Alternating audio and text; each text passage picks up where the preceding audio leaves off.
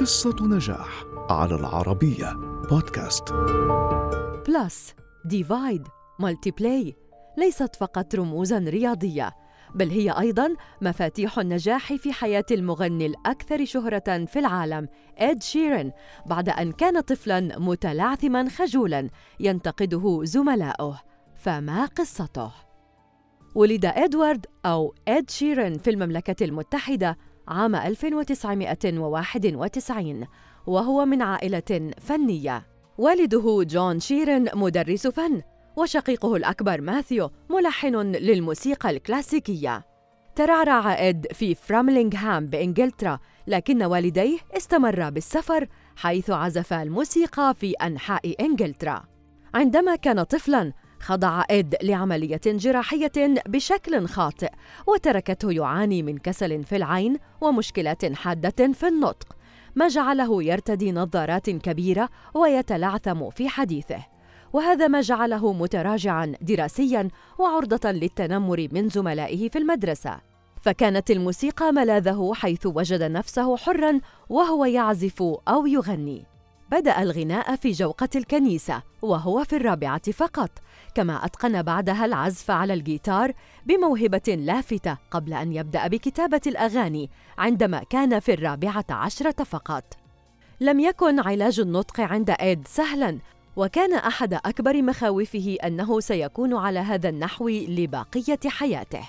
لكن الأمور تغيرت عندما أحضر له والده تسجيلات لمغني الراب إمينيم فاندهش من سرعة أدائه واستلهم منه الغناء وحفظ كل كلمة حتى اختفى تلعثمه رغم صغر سنه أقام إد العديد من الحفلات الموسيقية وكان لديه 12 عرضا غنائيا في الأسبوع ولم يمض وقت طويل بعد أن كان يسجل بالفعل الأقراص المدمجة ويبيعها.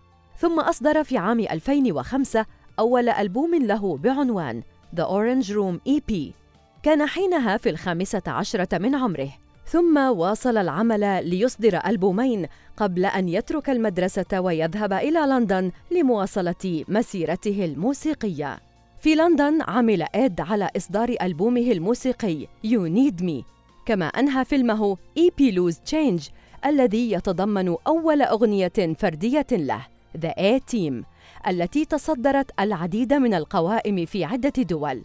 كما وقع في نفس العام مع شركة Atlantic Records وأيضا أبرم عقدا مع شركة Asylum Records منذ توقيعه مع Atlantic باع إد ملايين التسجيلات وحاز على جائزة بريت كمغن وعازف منفرد وظهر في افتتاح دورة الألعاب الأولمبية بلندن وفي دويتو غنائي مع الفنانة الأولى تايلور سويفت وفاز بجائزة جرامي لأغاني مثل Thinking Out Loud و Give Me Love و Shape of You بالإضافة إلى ألبومي X و Divide.